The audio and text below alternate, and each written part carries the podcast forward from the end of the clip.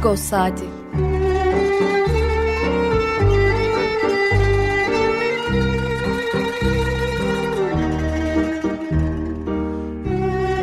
Haftalık Agos gazetesinin penceresinden Türkiye ve Dünya gündemi.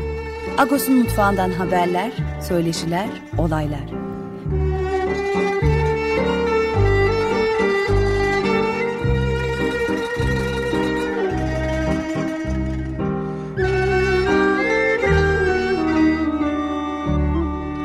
Radyo Agos.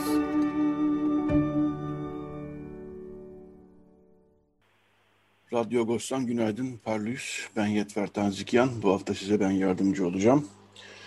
Her zamanki gibi bir şarkıyla e, açtık programı. Hangi şarkıyla açtık? Zuvaşi Berepe, Kazım Koyuncu'nun e, solo albümleri yapmaya başlamadan önce beraber olduğu e, rock grubu Zuvaşi Berepe e, Lazca daha çok ağırlıklı olarak rock, e, müzik yapıyorlardı. Zuhaşi Beleper'in 98 yılından e, bir şarkısını dinledik. Maa Koçivore.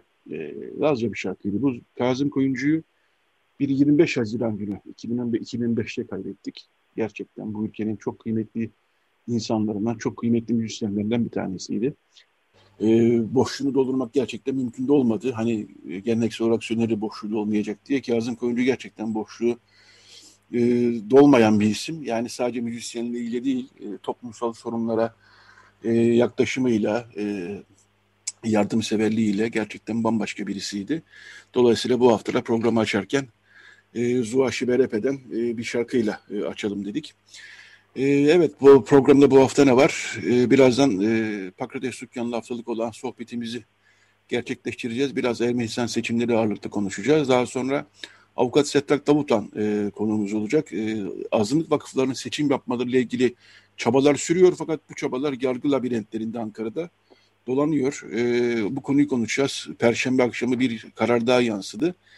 E, detaylarına program yeri geldiği zaman gireceğiz. Son bölümde de bir başka avukat Levent Pişkin ama aslında e, LGBTİ gruplarının hak savunuculuğunda çok çaba göstermiş bir isim. E, Levent Pişkin'de de Onur Haftası e, bu hafta. Onur Haftası'nda neler yapılıyor, neler yapılmak isteniyor ve nasıl engeller çıkartılıyor LGBTİ gruplar için bunları konuşacağız. Çok kısa bu haftanın Lagos'undan bahsedeyim. E, bu hafta e, manşetimizde Ermenistan seçimleri var. Değerlendirmeler Viken Çeteryan'ın, Çeteryan'ın Richard Giragosyan'ın, Diana Yayloya'nın değerlendirmeleri var.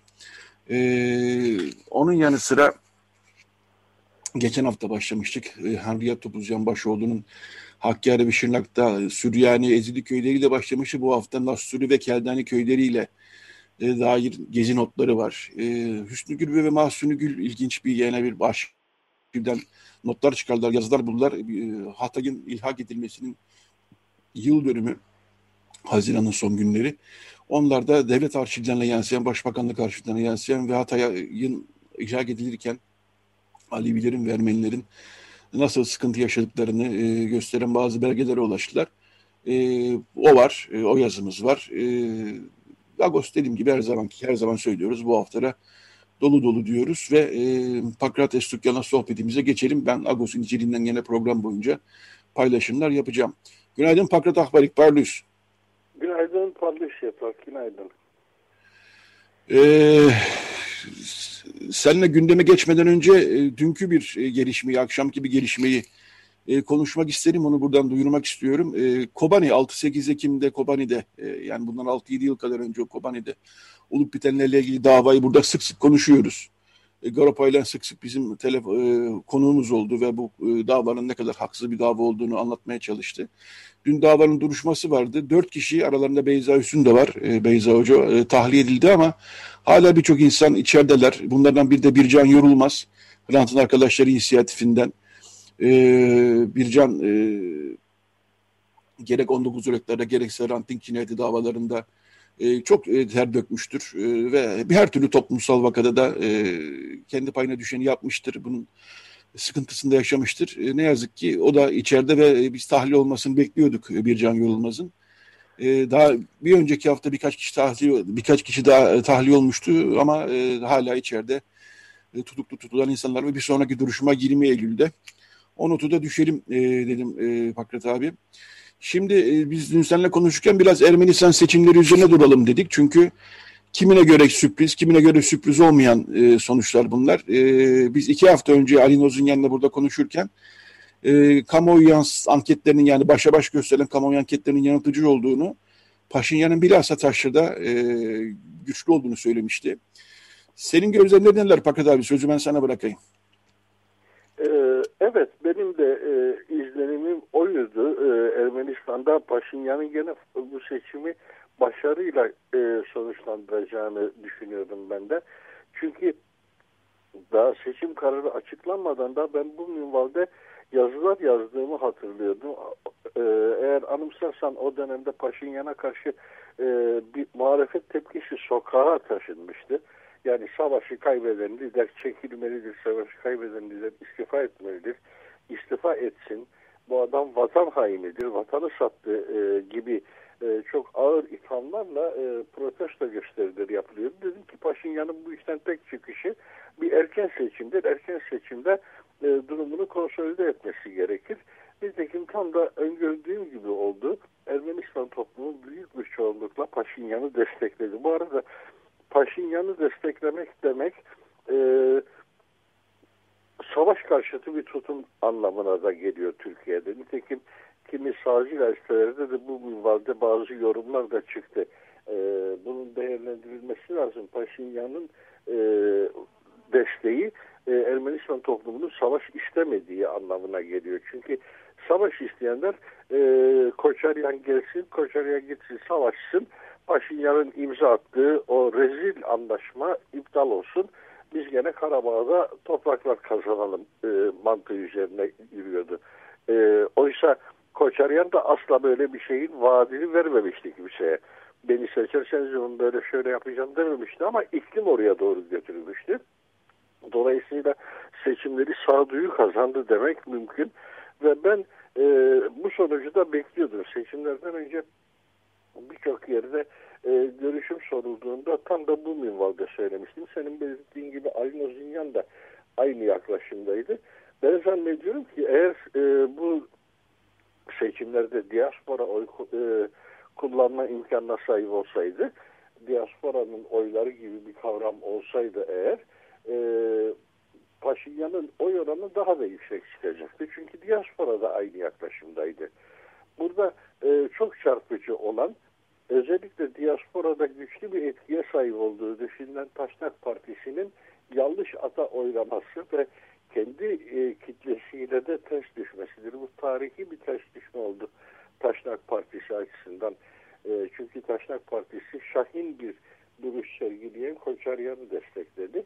Buradaki bir diğer yanılgı da e, Türkiye medyası da aynı şeyi yaptı ve genel e, böyle bir algı oluşturuluyor. Paşinyan Batı yanlısıdır, Koçaryan Rusya yanlısıdır. E, hayır, e, Paşinyan da Rusya yanlısıdır. Daha doğrusu Ermenistan toplumu Rusya yanlısıdır. Ancak burada e, incecik bir ayrım var. Rusya yanlısı olmak ve e, Putin ve oligarşik yapılara yakın olmak başka şeyler. E, Koçaryan e, bir oligark olarak kendisi de bizzat Ermenistan'da oligarşik yapıların temsilcisidir. E, ve bu özelliğiyle de Rusya'daki Rus oligarşisiyle de çok yakın teması vardır. E, Putin'in de aynı oligarşik çevrelerle çok yakın teması vardır. E, Koçaryan'ın Rusya yanlısı görülmesinin arka olan budur. E, yoksa Paşinyan hiçbir zaman şunu söylemedi. Biz Batı yanlısı olalım. E, Rusya'ya sırtımızı dönelim. NATO'ya üye olalım. Hani Gürcistan, Ukrayna'nın yaptığı gibi bir siyaseti hiçbir zaman önermedi e, Paşinyan. O anlamda Paşinyan için Batı yanlısı demek mümkün değil ama Türkiye'de sanki öyle bir e, hava varmış gibi sunuldu meseleler ve Putin de e, Paşinyan'ı cezalandırdı gibi bir e, sonuç çıkarıldı e, İkinci Karabağ Savaşı'nın sonucuna bakılarak. İkinci Karabağ Savaşı oysa Aliyev'in yıllardan beri söylediği e, bir hedefti. E, yıllardan beri Aliyev bu meseleyi silahla çözeceğini söylüyordu. Bunun için de herkesin gözünün önünde çok büyük silah alımları yapıyordu. Elindeki petrol dolarları yatırımlarına yatırıyordu. İsrail'den çok yüklü miktarda silah aldı. Türkiye'den aldığı insansız hava araçları, silahlı insansız hava araçları da bu savaşta çok işlevsel oldular. Biz bütün bunları e, hazırlıklarını adım adım izledik. Sonuçta e, bu noktaya gelindiyse gene Ermenistan'da Paşinyan ve öncesindeki, Paşinyan öncesindeki o Şahin siyasetin e, rövanşı gibi yaşanan şey. E, burada Ermenilerin sorumluluğu çok büyüktü. O sorumluluk hiçbir zaman farkına varılmadı. Ermeni milliyetçiler birinci e, Karabağ Savaşı zaferle sonuçlanınca e, büyük bir histeriye kapıldılar. E, uzun yıllardan sonra tarihimizde uzun yıllardan sonra ilk defa toprak kazandık gibi naralar attılar. Sevinç naraları attılar. E, bu onun rövanşı gibi bir şeydi. Taşlar yerli yerine oturdu bence. Bu savaşta kazanılan e, alanlar yani Azerbaycan'ın toprak kazanımları aslında zaten kendisine ait olan bölgelerdi. Hani e, işgal edilmiş bölgeler diye tanımlanan ve gerçekte de işgal edilmiş bölgeler olan Karabağ'ın dışındaki yedi reyondu. Bu yedi rayon diye ifade edilen, sürekli talep edilen yer zaten Azerbaycan'a ait olan bir yerdi. Ermeniler Karabağ'ı e, bağımsızlaştırırken, Karabağ'ı ele geçirirken onu çevreleyen bölgede de varlık gösterdiler. Ve bütün kavga oranın üzerineydi. Eğer geçen 30 yıl içerisinde Birinci Karabağ Savaşı'nın ateşkesle sonuçlandığı 93 yılından bugüne kadar e, o konuda adımlar atılabilseydi, müzakereler yapılabilseydi o e, bölgeler e, Azerbaycan'a iade edilebilseydi belki bugün bu duruma gelinmezdi. E, ama sonuç olarak seçimler hayra alamet bir sonuç vermiştir. Bundan sonrasının nasıl değerlendirileceği önemli. Çünkü seçime gelinceye kadar ortalık çok fazla kırıldı, döküldü. Hani Ermenistan toplumunda bir kutuplaşma yaratıldı demek mümkün. Ee, bu çok vahim bir durum. Biz benzerini Türkiye'de de görüyoruz o kutuplaşmanın. Ee, bu kutuplaşmaya göre şimdi artık toplumun bir kez daha ortak hedeflerde birleşmesi, e, bunu temin edilmesi çok önemli. E, iş burada şimdi artık siyasetin e, gücüne bağlı.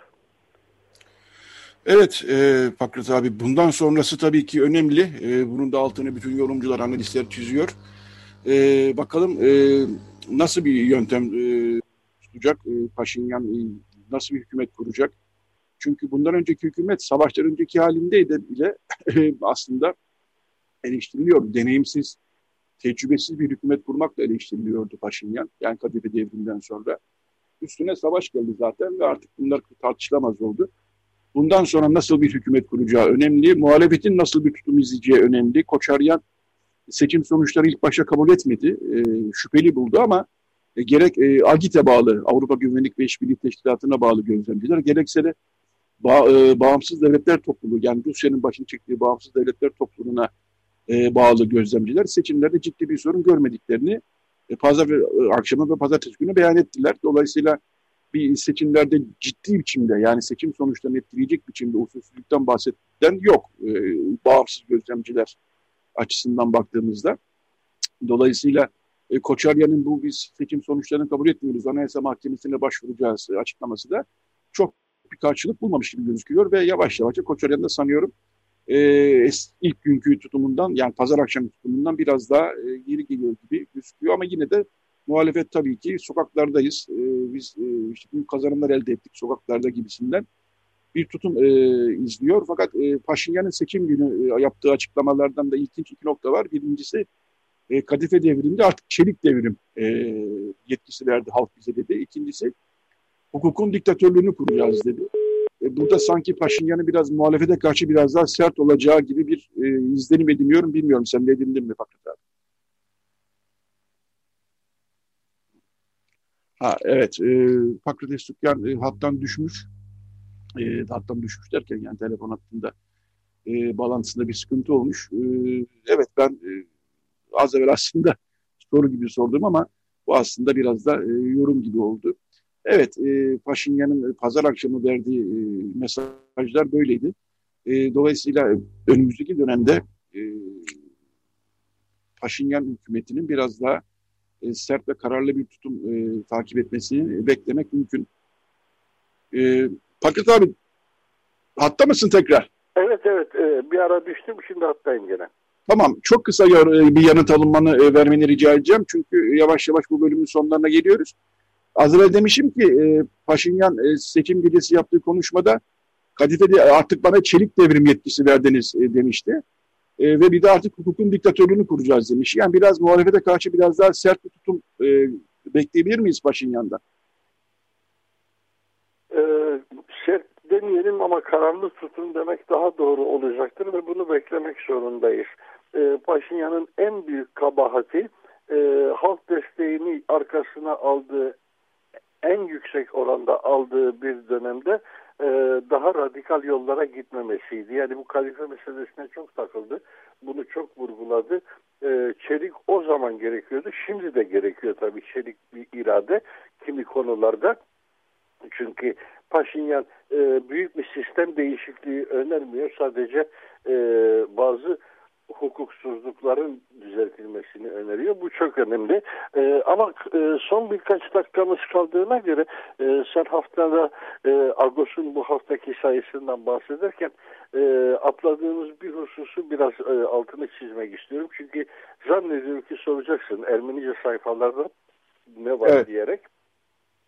Tabii ki e, seçime dair orada da yorumlar, değerlendirmeler var ama çok daha önemlisi bu hafta Deniz Poyraz e, cinayetinin yansımaları ve e, Agos'un hem Türkçe sayfalarında hem Ermenice sayfalarında e, Deniz Poyraz cinayetine dair e, çok anlamlı değerlendirmeler, analizler vardı. Yani bu cinayetin e, arka planını da e, aydınlatmaya yönelik iklimini e, ortaya koyan, onu tartışan e, anlamlı yazılar vardı. Onları mutlaka belirtmek istedim bu yayın esnasında da. Anladım. Evet ben zaten e, program boyunca Agos'un içeriğinden e, parça parça notlar hepsini birden anlatmıyorum. Program içerisinde dağıtıyorum bu notları. Onları ben zaten e, söyleyecektim. E, Fakret abi çok teşekkür ediyorum yayına katıldığın için. E, ağzına sağlık. Bu haftaki e, olan sohbetimizde gerçekleştirmiş olduk. Daha çok fazla gündem varsa konuşacağımız ama zaten konuklarla bunları ele alacağız. Teşekkürler. Kolay gelsin Akberk. Teşekkür ederim. İyi yayınlar diliyorum. Teşekkürler. Evet, e, Agos'un içeriğinden bahsederken tabii Deniz Poyraz cinayetinde e, HDP milletvekili Filiz Keresecioğlu ile konuştuk e, bu hafta. E, cinayetin arka planına dair değerlendirmeler yaptı Filiz Keresecioğlu. Arat Dink'in cinayete değinen e, önemli bir yazısı var e, bu haftaki Agos'ta. Ayrıca bu hafta bir e, köşemiz başladı diyebilirim. İnsan hakları gündemi. E, burada hem Türkiye'de hem de Türkiye'nin yakın coğrafyasında bilhassa da Kafkaslar'da, Ermenistan'da, Azerbaycan'da, Gürcistan'da ve tabii ki Türkiye'de yaşanan insan hakları ihlallerine e, yakından bakacağız. İnsan hakları gündemine yakından bakacağız. Bu hafta ilk bölümde e, Ermenistanlı bir e, blogger Gayen Ayvazyan da e, Vartu'yu e, Balyan bir röportaj yaptı. Gayen Ayvazyan e, savaştan önce bilhassa ve savaş sırasında, sırasında Karabağ Savaşı sırasında e, milliyetçi e, söylemlere e, muhalefet eden birisiydi. Kendi e, blogundan ve e, kendi sosyal medya hesaplarından. Ve e, milliyetçi çevrelerin çok fazla e, hedefinde oldu ve hala da e, çalıştığı yerden onu kovmak isteyenler var. E, sık sık onu hedef gösterenler var. E, dolayısıyla ilk e, çuvaldızı e, batıralım dedik e, ondan sonra e, bu insan hakları gündemine e, konu edinirken. E, fakat daha sonra tabii ki e, gerek Türkiye'de gerekse de hem Ermenistan'da hem Azerbaycan'da bilhassa e, mümkünse Yunanistan'da ve Balkanlara tabii ki e, insan hakları ihlallerine e, yakından bakmaya, bu konuları gündeme getirmeye de, e, çalışacağız, çabalayacağız. E, bu notu da buradan aktarmak istedim. Evet, e, Radyo e, şarkılı bir program her zaman söylüyoruz. Şimdi bir şarkı zamanımız geldi. E, bu hafta e, da aslında ağırlıklı olarak kalan müzikten yeni şarkılar çalacağız. Hasan Saltık'ı e, biz de bu şekilde anmaya çalışıyoruz. 2-3 e, haftadır bütün repertuarı kalan müzikten e, oluşturuyorduk e, Radyo Agos'ta. Bu hafta da ağırlıklı olarak kalan müzikten oluşturacağız. Çünkü başta bir Duaşi Beret'e çaldık ama şimdi tekrar kalan müzik repertuarına dönüyoruz. Elena Aristova, e, Makedonyalı bir e, müzisyen. E, onun e, Baklava adıyla kalan müzikten çıkan albümünden bir şarkısını dinleyeceğiz. Oğlan da kolunu sallama diyecek. Biraz neşeli bir şarkı, biraz hareketli bir şarkı. Cumartesi sabahı biraz hareket katsın diye düşündük. Daha sonra Radio Yogos e, ikinci bölümde avukat Setrak Davutan'la e, devam edecek. Çünkü azınlık vakıflarının e, yönetim kurullarını halk oyuyla seçiyorlar idi ve 8 yıldır seçemiyorlar. Bu konuda yargıda çok e, önemli çabalar yürütülüyor fakat bu çabalar bazen Ankara yargı labirentinde dolanıyor. E, Avukat Setak Davutoğlu'na Perşembe günü yaşanan gelişmelerin arka planını konuşacağız. Evet şimdi Elena Ristova oğlanla kolunu sallama diyor. Radyo Agos devam edecek. Radyo Agos. Evet, Radyo Agos devam ediyor. Bu bölümde bir şarkı daha çalıyorduk aslında ama e, Avukat Setrak Bey'i, Setrak Davutoğlu'nu telefonda fazla bekletmeyelim diye düşündük. Konumuz şu, e, azınlık vakıfları e, seçimlerin yönetim kurullarını halk oyuyla yani o vakfın bulunduğu semtteki veyahut da tüm İstanbul çapındaki halkın yani o topluma ait halkın oyuyla belirliyorlar. Bu bir gelenek. Fakat 2013 yılında e, Vakıflar Genel Müdürlüğü daha iyisini yapacağı gerekçesiyle bu vakıf seçimlerine yani sadece Ermeniler değil Rumlar, Yahudiler, Bulgarlar e, bütün vakıflar yönetim kurullarını böyle seçiyorlar. Daha iyisini yapacağı gerekçesiyle bu vakıf seçimlerine imkan veren e, yönetmeliği iptal etti. Fakat 8 yıl boyunca daha iyisi bir türlü gelmedi. E, sorulunca siz kendi içinizde anlaşamıyorsunuz gibi cevaplar verildi ilk başlarda. Fakat daha sonra bunun da bir geçerlilik kalmadı. Bu yetmezmiş gibi e, iki sene kadar önce de vakıflar atama yoluyla yeni yönetim kurulu üyeleri hani ölen olur ayrılmak isteyen olur atama yoluyla kendi içlerinde atama yoluyla bunu yapabilirler diye yeni bir genelge daha çıkardılar. Avukat Settak Davutan ve Sebu Aslangil mahkemeye başvurdular. Yani seçme ve seçilme hakkımız gasp ediliyor. Bir, iki bu zaten yani böyle bir genelge yayınlanmaması vakıflar kanununa aykırıdır e, diyerekten mahkemeye başvurdular. E, ve Ankara 7. İdare Mahkemesi e, Setrak Davutan ve Sebu Aslangil ki bunlar müvekkiller Ermeni toplumundan iki üç müvekkil adına başvurmuşlardı. E, haklı buldu Setrak Davutan ve Sebu Aslangil'in başvurusunu ve Vakıflar Genel Müdürü'nün bu iptal eden, e, yönetmeliği iptal eden işlemlerini iptal etti. E, bunun üstüne Vakıflar Genel Müdürlüğü de e, istinaf mahkemesine başvurdu. Ben çok kabaca özetliyorum bunu daha sonra birazdan e, Setrak Bey'le konuşacağız. Yani bir itiraz etti daha doğrusu bir temyiz anlamında istinaf mahkemesine bir üst mahkemeye başvurdu. İstinaf Mahkemesi ve başvururken dedi ki yürütmenin durdurulmasını acilen iptal edin. Yani bu karar e, Ankara 7. İdare Mahkemesi'nin kararını durdurun. Ee, üst mahkeme Ankara Bölge İdare Mahkemesi e, Vakıflar Genel Müdürlüğü'nün yürütmeye durdurma talebini kabul etmedi. Bu, bu da bir yeni bir e, gelişme oldu ve olumlu bir gelişme seçimler açısından oldu. Fakat Perşembe günü demiş ki e, Ankara 7. İdare Mahkemesi'ne bu senin işin değil, bunu yapmak senin görevin değil. Sen bunu Danıştay'a göndermeliydin demiş.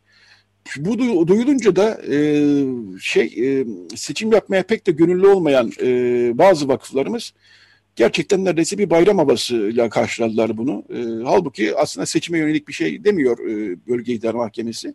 Üst Mahkemesi yani. Diyor ki Ankara e, 7. İdare Mahkemesi'ne sen bunu Danıştay'a göndermeliydin. Kendi kendine karar almamalıydın diyor. Setrak abi hatta mısın? Hattayım. İyi yayınlar e, diliyorum. E, Teşekkürler. Kardeşim. Buyur canım. Ee, ben ben özetlemeye çalıştım kendi dilim döndüğünce, bilgim yettiğince ama şimdi bir giriş anlamında e, istiyorsan şöyle başlayalım e, Setra Gahbarik. E, Efendim. Ankara Bölge İdare Mahkemesi nasıl bir karar vermiş oldu? Yani e, Ankara 7. İdare Mahkemesi'ne e, ne demiş oluyor? İstiyorsan ben sözü sana bırakayım. Şimdi öncelikle tabii süreci çok iyi e, açıklamaya çalıştın. Teşekkür ederim. E, Şimdi bu arada e, tabii demokratik ve hukuk kurallarına bence tabii uygun bir karardı Ankara 7. İdare Mahkemesi'nin verdiği karar.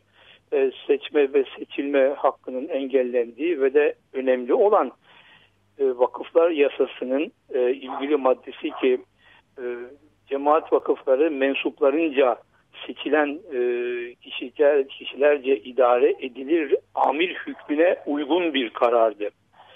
Ancak gerekçesinde gördük ki e, İstinaf Mahkemesi'nin Ankara Bölge İdare Mahkemesi'nin 10. E, dairesinin kararının gerekçesinde bu yayınlanan genelgelerin yani 2013 yılında yayınlanan bir genelge var. Bu genelge ile yönetmelikteki e, cemaat vakıflarıyla ilgili hükümlerin kaldırılmasına müteakip ki yenisinin yayınlanıncaya kadar diye bir gerekçe vardı bu e, seçimlerin yapılmayacağı, seçim için müracaat edilmemesi, ve de mevcut yönetim kurulları üyelerinin de yeni e, yönetmelik yayınlanıncaya kadar görevlerine devam edeceği yolundaydı ki bu da e, tabii ben sırf hukuksal açıdan ve hukuk e, kimliğimle ben bunun yanıtını vermeye çalışıyorum.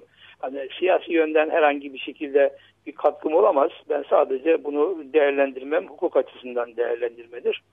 Ve bu bu genelgenin yayınlanmasından işte 8 sene geçtikten sonra da yine başlangıçta söylemiş olduğum gibi atama yoluyla mensuplarınca e, boşalan üyelerin doldurulması şeklinde bir e, genelge çıktı.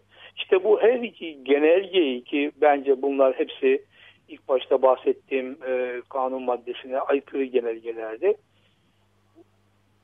7. İdare Mahkemesi bu genelgelerin iptaline karar verdi. Ancak ancak e, tabii e, bölge idare mahkemesi ayrı bir gerekçe ileri sürmek suretiyle e, bu kararın kaldırılmasına karar verdi. Nedir bu gerekçe?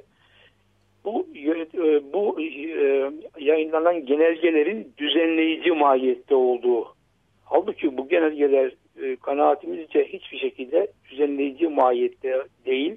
Çünkü ülke genelinde e, uygulanması gereken bir şey değil. Sadece belirli bir grup yani cemaat vakıfı olarak tasnif edilen e, vakıflara uygulanacak bir e, yani yol gösteren e, daha doğrusu yine söylüyorum kanuna aykırı e, şekilde davranılmasını öneren bir e, şey, talimattı. Yani bu bir hiçbir şekilde düzenleyici işlem değildi.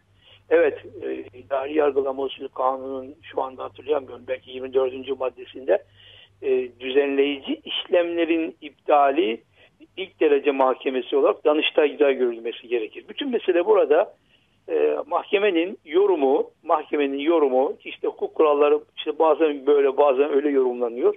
Bu vakıflar idaresince yayınlanan yayınlanan bu genelgelerin düzenleyici mahiyette olduğuydu. Halbuki yine söylüyorum, vurgulayarak söylüyorum bunlar hiçbir şekilde düzenleyici mahiyette bir e,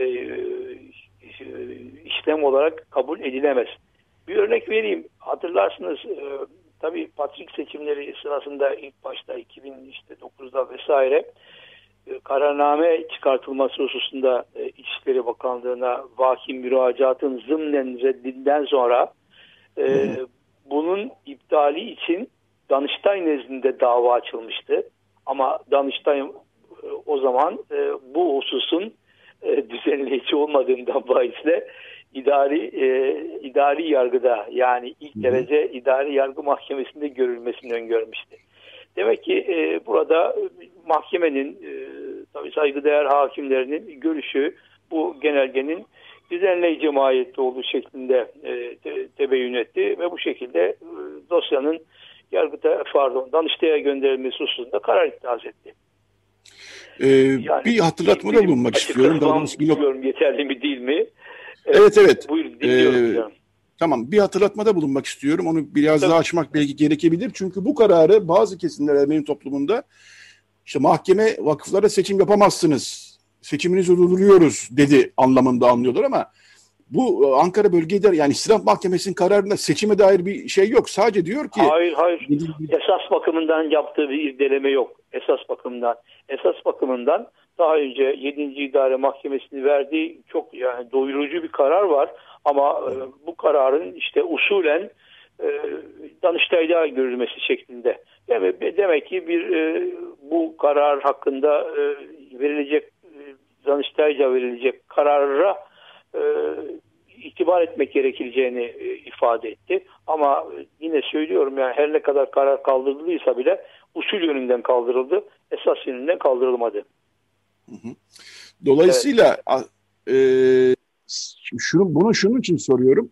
E, dört vakıf e, yani Tıbre Bank, e, Surpaş Tıbre Bank Lisesi, Getunagan Lisesi, Karagözcan Okul e, Yetimhanesi bir okulu evet. ve evet. Kalfayan Yetimhanesi bir okulu aslında e, seçim için yani vakıf seçimlerini yapmak için çalışmalarla başlamışlardı. E, evet. Şimdi e, dolayısıyla evet. onlara da had bildiren bazı isimler gördük. Yani bakın siz böyle yaptınız ama işte mahkemeden böyle geldi.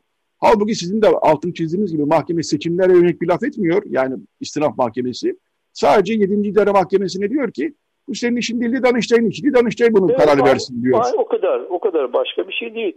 Yani bunu bu şekilde e, yorumlayan ve de işte yapamazsınız, edemezsiniz veyahut da ne bileyim başka ifadeleri kullanarak işte ne bileyim e, duyuyorum sağdan soldan devlete baş kaldıramazsınız falan şeklinde ifadeler çıkmış. Yani bunlar çok yanlış şeyler. Yani anayasal bir takım hakların kullanılması yani hiçbir şekilde böyle yorumlanmaması lazım yani. İdarenin her türlü eylem ve işlemleri yargı denetimine tabidir diyor. Tamam yargı denetimine tabi.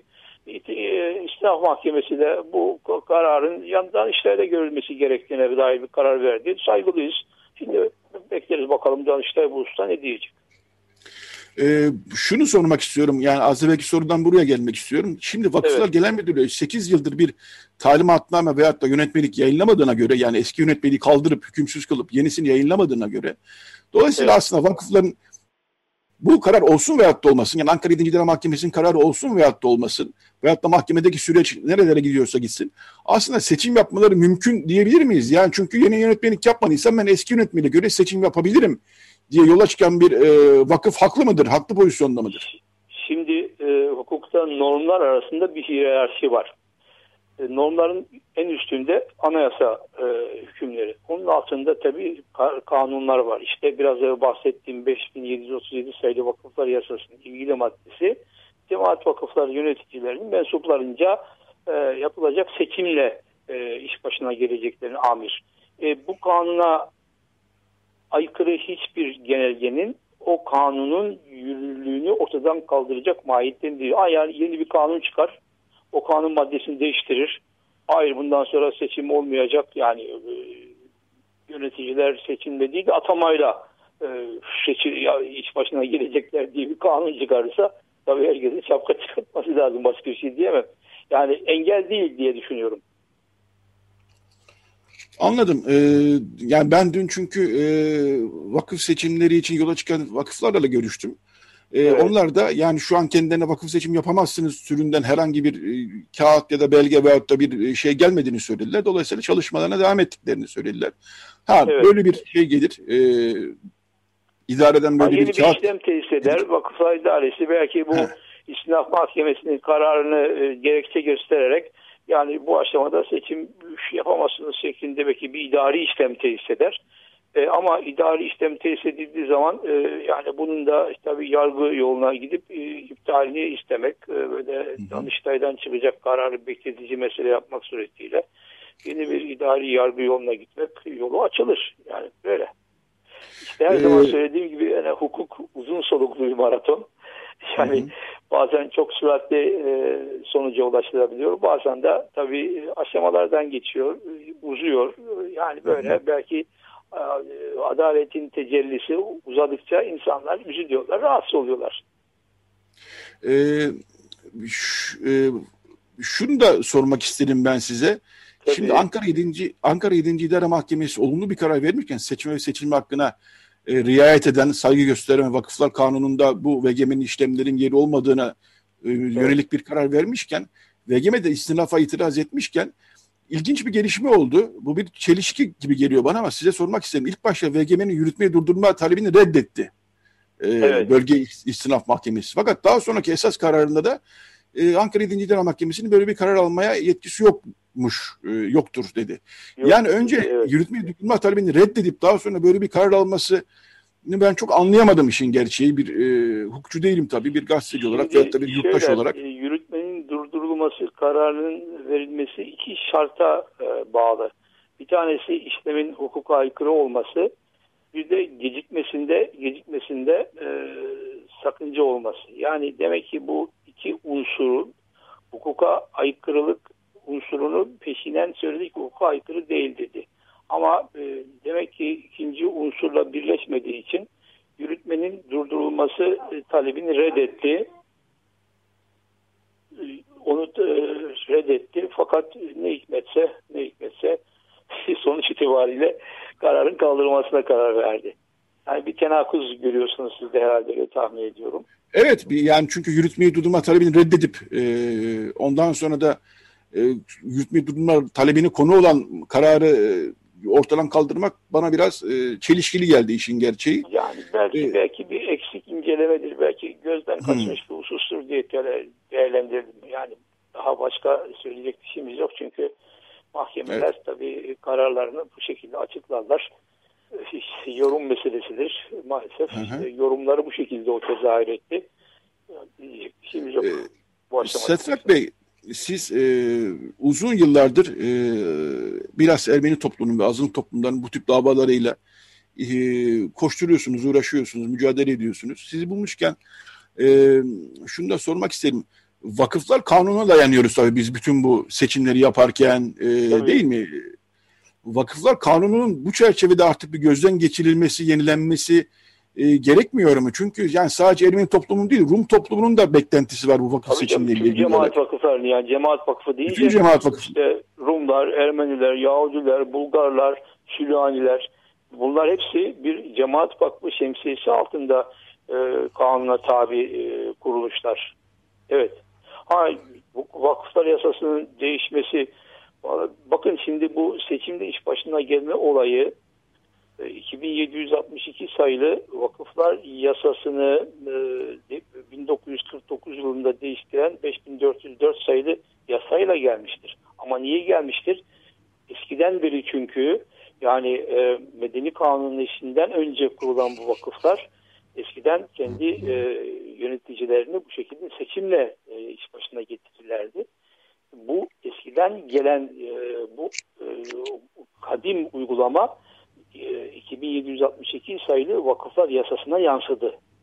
Ondan sonra yine bir 2437 sayılı başka bir yasa çıktı. Orada da e, mensuplarınca seçilen e, yönetim kurullarınca idare edilir diye bu kadim e, anane muhafaza edildi.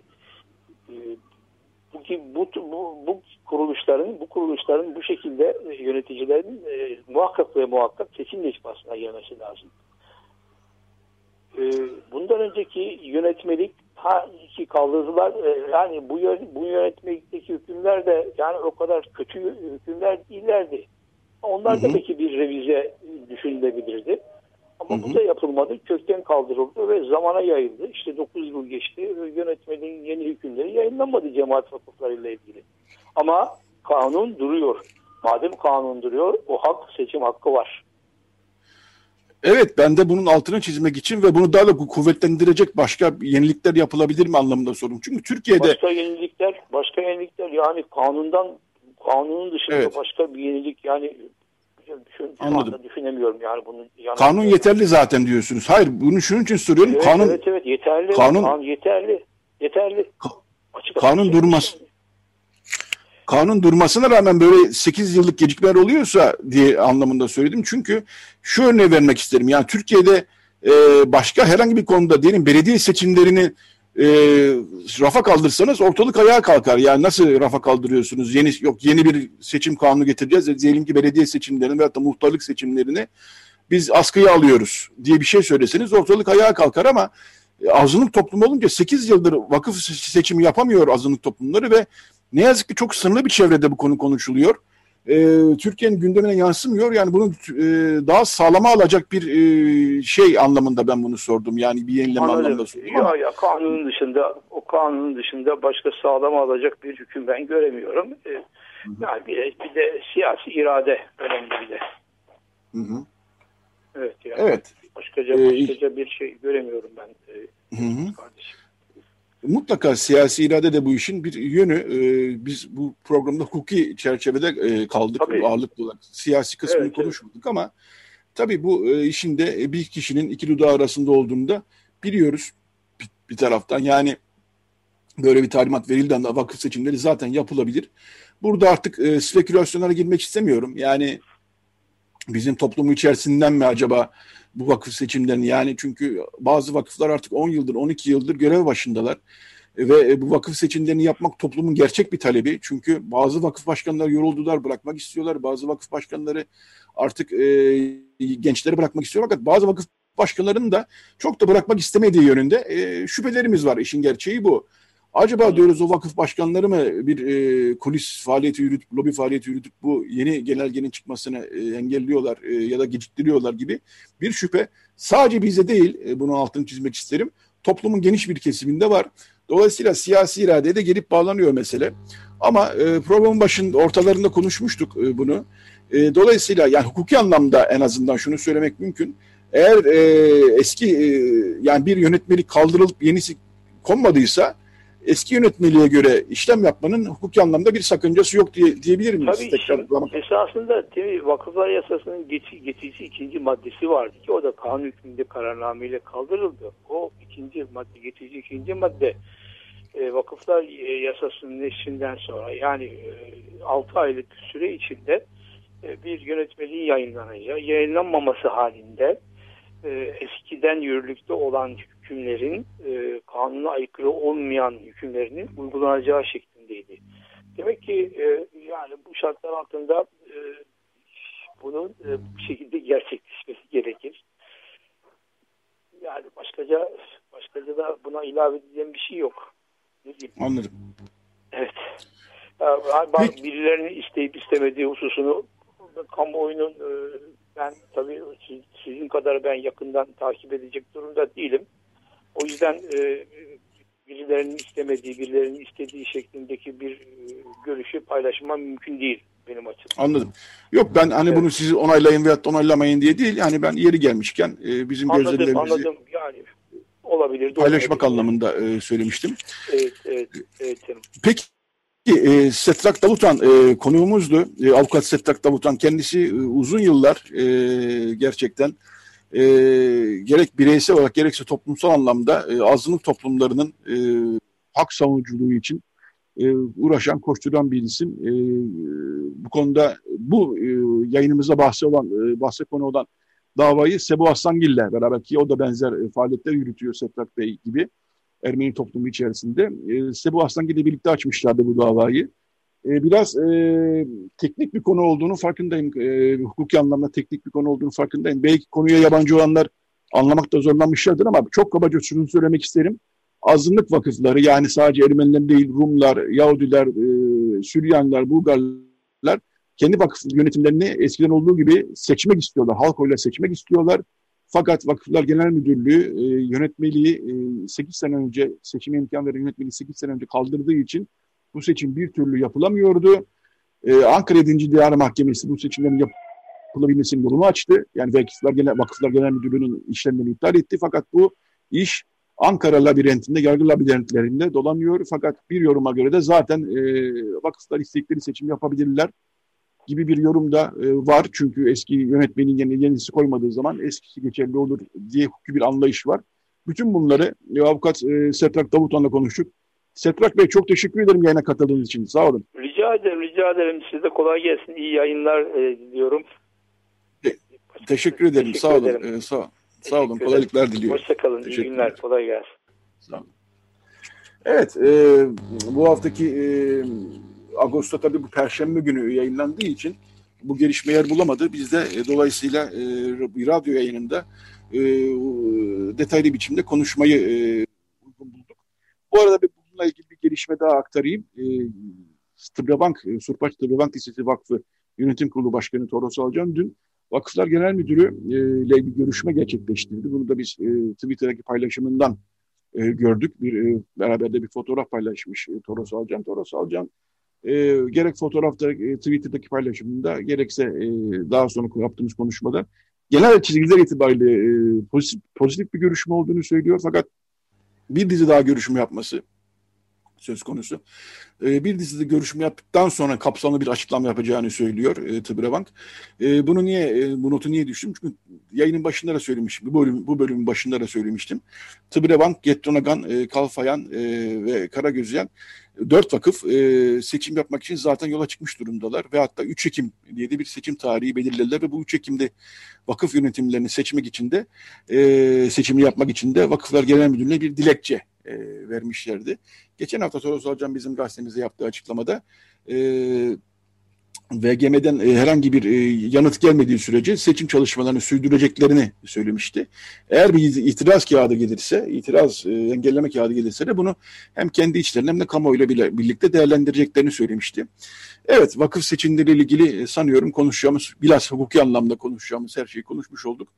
Ee, bir şarkı çalalım o zaman. Ee, Radyo Gos her zaman altını çiziyoruz. Şarkılı bir program. Ee, 20 dakikalar aşağı yukarı 25 dakikalar hatta şarkı çalmıyoruz. Dolayısıyla bir şarkı çalalım. Aradin Çiyan. E, onun Linçiyan'ın oğlu ama en az onun Linçiyan kadar da e, meşhur e, birisi, e, bilinen birisi. Aladinçyan Kuartet e, olarak e, kaydettiği bir e, kayda çalacağız şimdi. Finding Songs yine kalan müzikten e, Finding Songs, Songs albümünden dinleyeceğiz. Jazz Longa e, daha sonra e, Radyo Ghost devam edecek. E, son bölümde onun 10 saat ondan sonraki bölümde de Levent Pişkin'de e, Onur Haftası'nı ve LGBT grupların hak e, mücadelelerini konuşacağız. Evet şimdi Aradin Can Kuartet'i dinliyoruz. Hicaz Longa. Evet, Radyo Ghost devam ediyor. Ee, Charles Davur e, çaldık, dinledik biraz evvel. Il faut savoir e, şarkısını dinledik. Charles Aznavur'u biliyorsunuz. Sık sık çalıyoruz Radyo Agos'ta. E, seviyoruz. E, yakın zamanlarda kaybetmiştik kendisini. Evet şimdi bu bölümde e, Levent Pişkin'le, o da bir avukat, Levent Pişkin'le e, bir bağlantı kuracağız. Konumuz şu, e, LGBTİ e, hak gruplarının e, onur haftası e, etkinlikleri e, olması için çabalıyorlar fakat bunlar engelleniyor. E, bilhassa son birkaç yıldır çok daha sert engelleniyor devlet tarafından.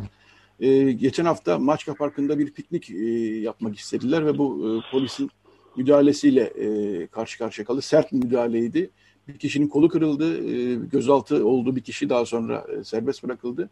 E, bugün de e, yine Onur Haftası etkinlikleri yapmaya çalışıyor e, LGBT e, hak grupları. E, Levent Pişkin de yıllardır bu konularda e, hak mücadelesi yürüten isimlerden bir tanesi.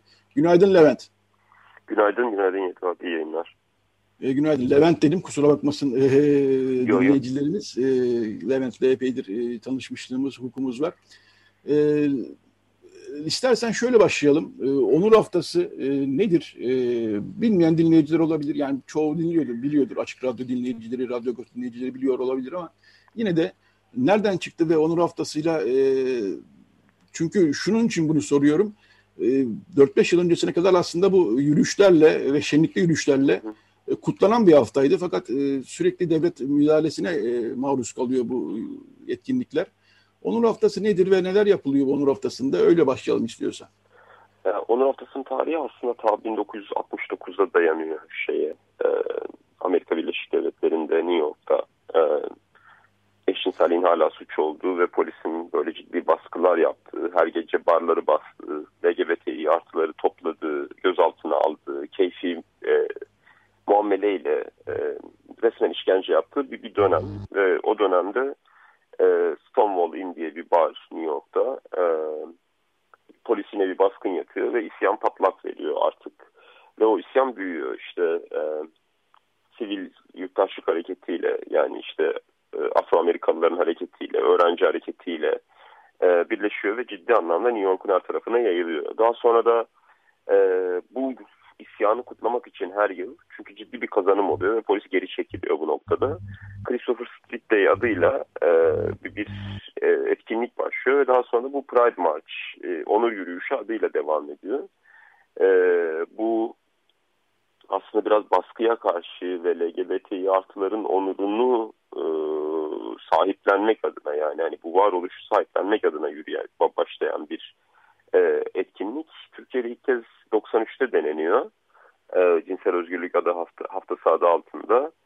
E, ama tabii ki yapılamıyor. Terörle mücadele kanunundan işlem yapılıyor. E, evler basılıyor ve e, yürüyüş yapılamıyor. Daha sonraki bir 10 yılı buluyor e, bu, bu yürüyüşün yapılabilmesi.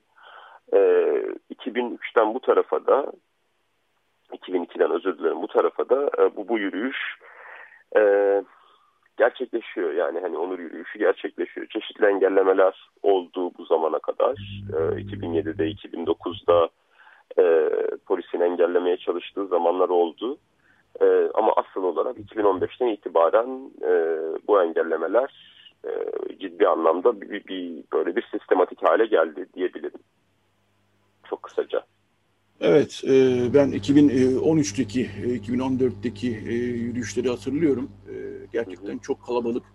İşte, Taksim'den tünele kadar yürüyüşler, yanlış hatırlamıyorsam, yapılabiliyordu.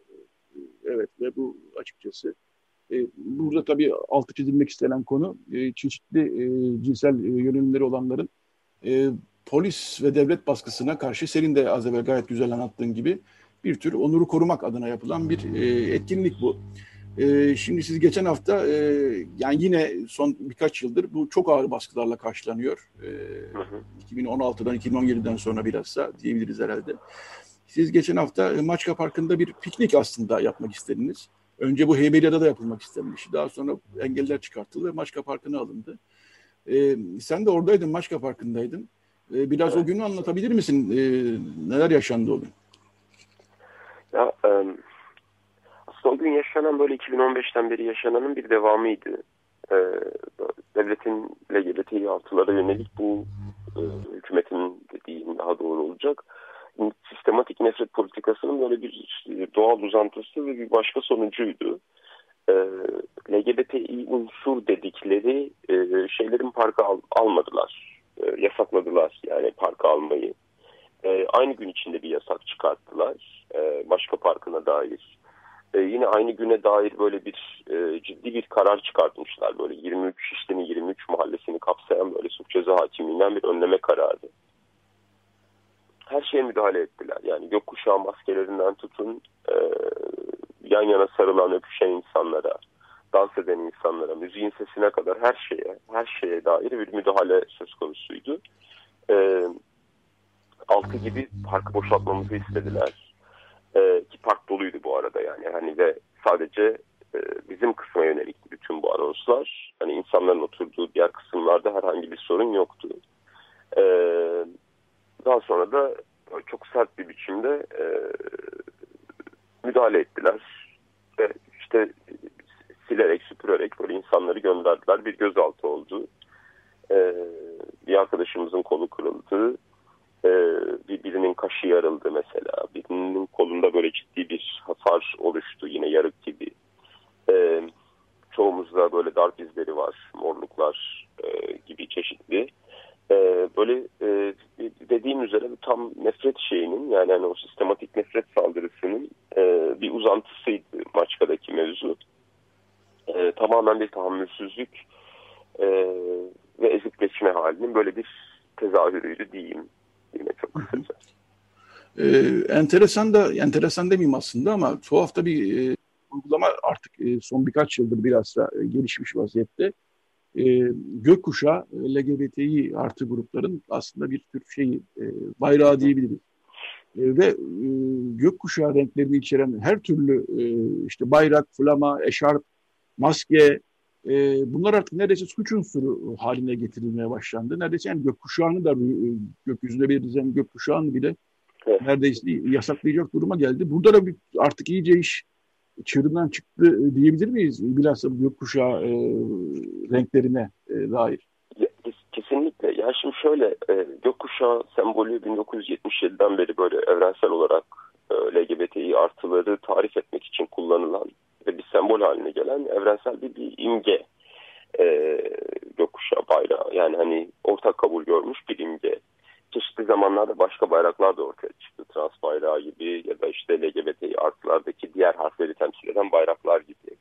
E, bu, buradaki bu gökkuşağı bayrağına saldırı aslında LGBTİ artı varoluşuna saldırı. Yani. Çünkü o görünürlük sağlayan bir bayrak. Yani hani o orada olduğu zaman LGBTİ artıların orada olduğunu görüyorsunuz. Ve bu bunu buna yönelik bir kriminalize etme çabası yani gökkuşağı bayrağına yönelik bir kriminalize etme çabası aslında LGBTİ artı varoluşuna yönelik bir kriminalize etme çabası.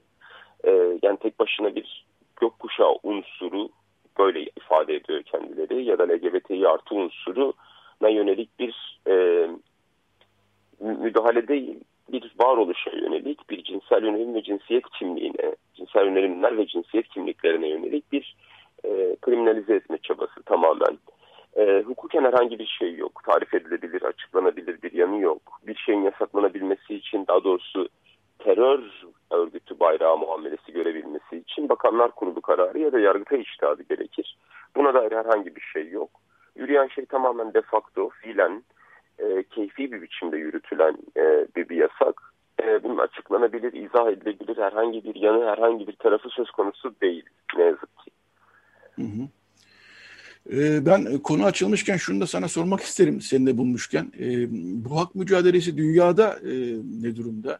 Batı ülkelerinde hani biraz daha e, yani Türkiye kıyasla tabii daha ileri bir noktada olduğunu e, tahmin edebiliyoruz, görüyoruz. E, hı. Bugün de muhtemelen birçok ülkede herhalde yürüyüşler yapılacaktır diye düşünüyorum ya da bu hafta boyunca.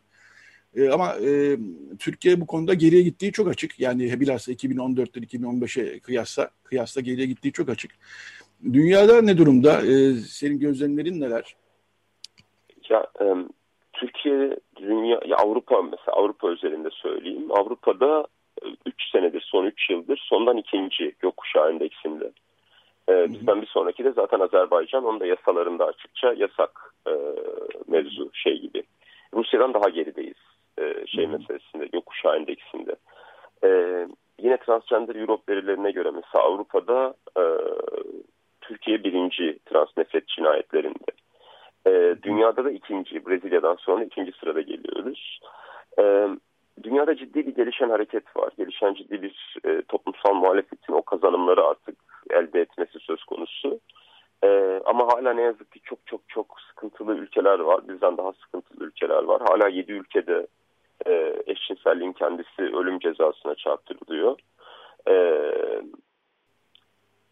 ama gittikçe bu, bu şeyler yani en azından bu kriminalize eden yani galiba 70'e yakın ülkede de hala bildiğim kadarıyla suç e, yanılmıyorsam.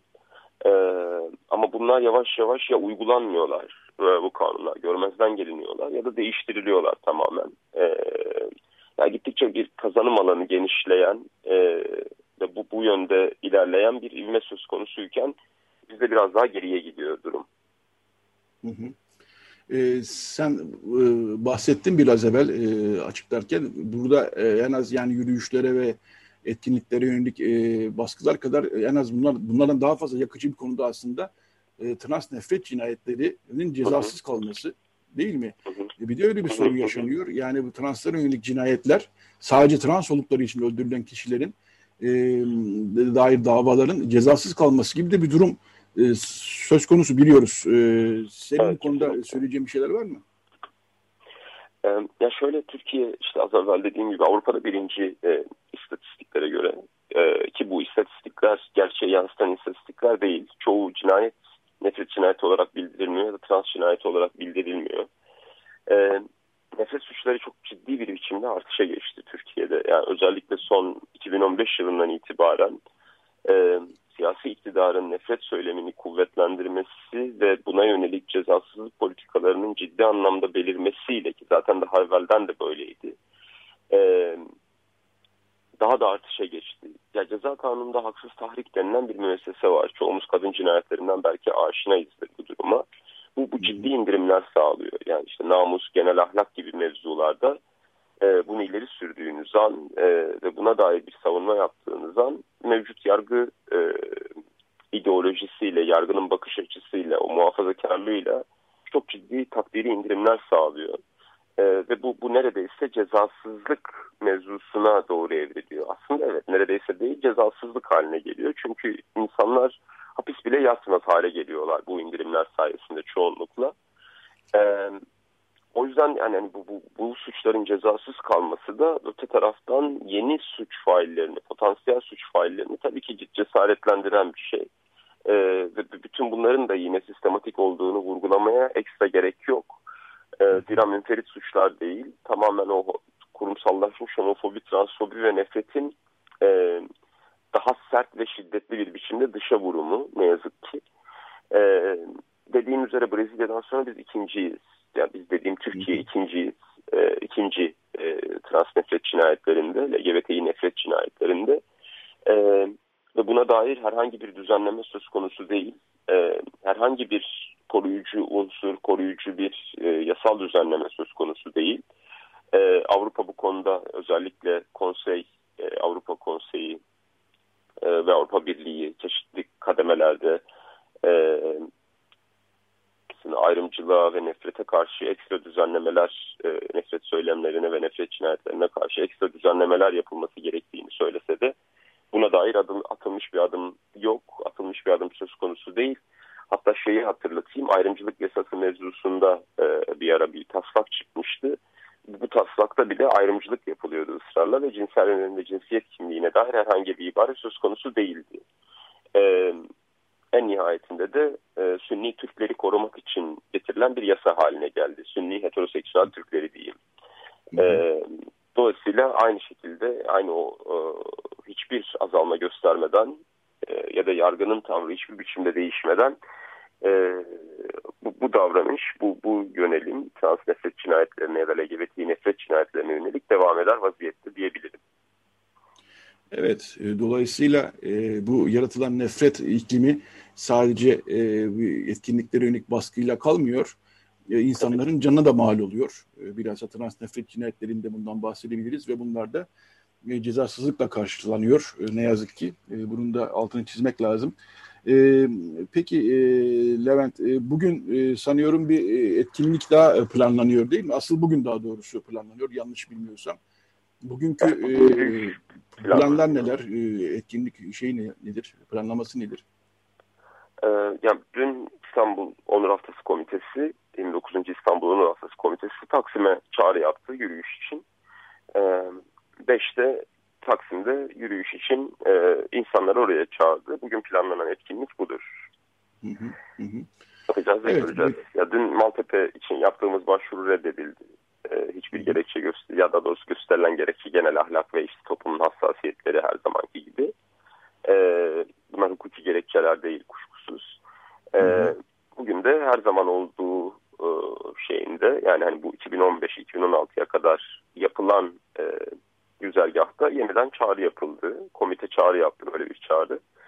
E, beşte Taksim'de e, hı hı. bulunacağız. Anladım. Gibi görünüyor. Evet, kazasız belasız geçmesini temenni ediyoruz açıkçası. E, Levent son bir iki dakika e, son bir iki dakikaya girdik. E, var mı eklemek istediğin bir şey? E, Yok herkesin onur haftasını kutlayayım. Ee, özellikle LGBTİ artıların onur haftası kutlu olsun. Ee, varoluşumuz asla kriminalize edilemez, yasaklanamaz. Ee, bir varoluşa yönelik bir yasak koymak artık e, mümkün değil diyeyim son olarak. Peki. E, Levent Pişkin konumuzdu. Biz de onur haftasını kutluyoruz buradan. E, Levent Pişkin konuğumuzdu. Avukat aynı zamanda kendisi ve bu konularda uzun yıllardır hak mücadelesi yürütüyor. Çok teşekkürler Levent Pişkin. Kolay gelsin size. Ben teşekkür ederim. Kolay gelsin size. Teşekkürler. Ee, evet bu hafta Radyo Agos'un artık e, sonlarına geliyoruz. E, bu haftaki gazetede yer e, bulamayan çünkü Perşembe günü oldu bu gelişme. Bir gelişmeyi de aktarmak istiyorum. İnternet sitemizde var gerçi. E, İçişleri Bakanı Süleyman Soylu özür dilerim. E, Serhat Peker'in iddialarıyla ilgili bir e, canlı yayına katıldığında e, şöyle bir açıklamada bulunmuştu. E, Erhan Tuncel'in yani e, din cinayeti e, faillerinden, hükümlerinin Erhan Tuncel'in Serhat Peker'le ilişkisi olduğunu, ayrıca e, Serhat Peker'in Veli Küçük'le ilişkisi olduğunu, dolayısıyla din cinayetiyle ilgili olarak da özel harp dairesini işaret eden açıklamalarda bulunmuştu. E, bundan bir buçuk ay kadar önce e, ya da bir ay kadar önce diyeyim, e, Dink ailesi avukatları İçişleri Bakanlığı'nın bu konuda elinde nasıl bir bilgi ya da belge varsa bunları paylaşmasını, kamuoyu ve savcılıkta paylaşmasını talep etmişlerdi. Bu konuda bir gelişme olmadı. Perşembe günü bir duruşma vardı. Dink cinayeti davası, kamu görevlilerinin yargılandığı Dink cinayeti davası ne kadar sona erdiyse de e, Fethullah Gülen, Ekrem Dumanlı gibi isimlerin, e, dosyası ayrılan isimlerin yargılanmasına devam ediliyor. O duruşmada e, Dink ailesi avukatları mahkemeye bir dilekçe verdiler ve mahkemenin İçişleri Bakanlığı'ndan bu konuyla ilgili bilgileri talep etmesini e, talep ettiler e, mahkemeden. E, dolayısıyla din ailesi avukatları bu konuda mahkemeye bir dilekçe vermiş vaziyette. Dolayısıyla bu işte biraz yargıya yansımış durumda artık. Bakalım mahkeme bu konuda ne karar verecek? İçişleri Bakanlığı'na bir yazı yazacak mı? E, İçişleri Bakanı Süleyman Soylu'nun bu konuya dair özel harp dairesini işaret eden Dink e, cinayetinde özel harp dairesini işaret eden açıklamalarına dair kapsamlı bir bilgi vermesi açısından bir yazı yazılmasına karar verecek mi? Buna CSR arasında karar verileceği söylenmiş. Evet bu notu da paylaşmış olalım. Böyle bir dilekçe de mahkemeye sunulmuş vaziyette. Evet dediğim gibi Radyo Agos'un sonuna geldik. Recide Beren Baltaş bize yardımcı oldu. Kapatırken Dalida ile kapatalım. E, Dalida e, 70'lerde ve 80'lerde çok e, ünlü bir, bir isimdi. E, şarkıcıydı. Fransız vatandaşını almıştı aslında. E, İtalyan anne babadan doğmuştu. Mısır'da doğmuştu. Kahire'de doğmuştu. Daha sonra Fransa vatandaşlığını almış evlilik yoluyla ve 3 e, Mayıs 1987'de de 54 yaşında e, kaybetmiştik Dalida'yı. Dalida'dan çok iyi bildiği Arapça bir şarkı dinleyeceğiz şimdi kapatırken. E, Halala Baladi yani güzel ülkem anlamına geliyor. E, Dalida ile kapatıyoruz bu haftayı. Haftaya yeni bir Radyo Agos'ta buluşmak üzere diyoruz. Herkese iyi bir hafta sonu diliyoruz.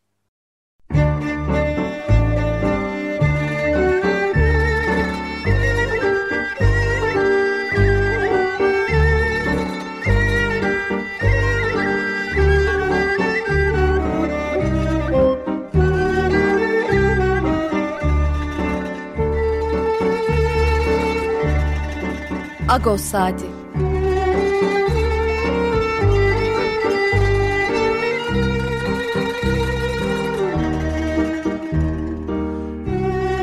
Haftalık Agos gazetesinin penceresinden Türkiye ve dünya gündemi. Agos'un mutfağından haberler, söyleşiler, olaylar.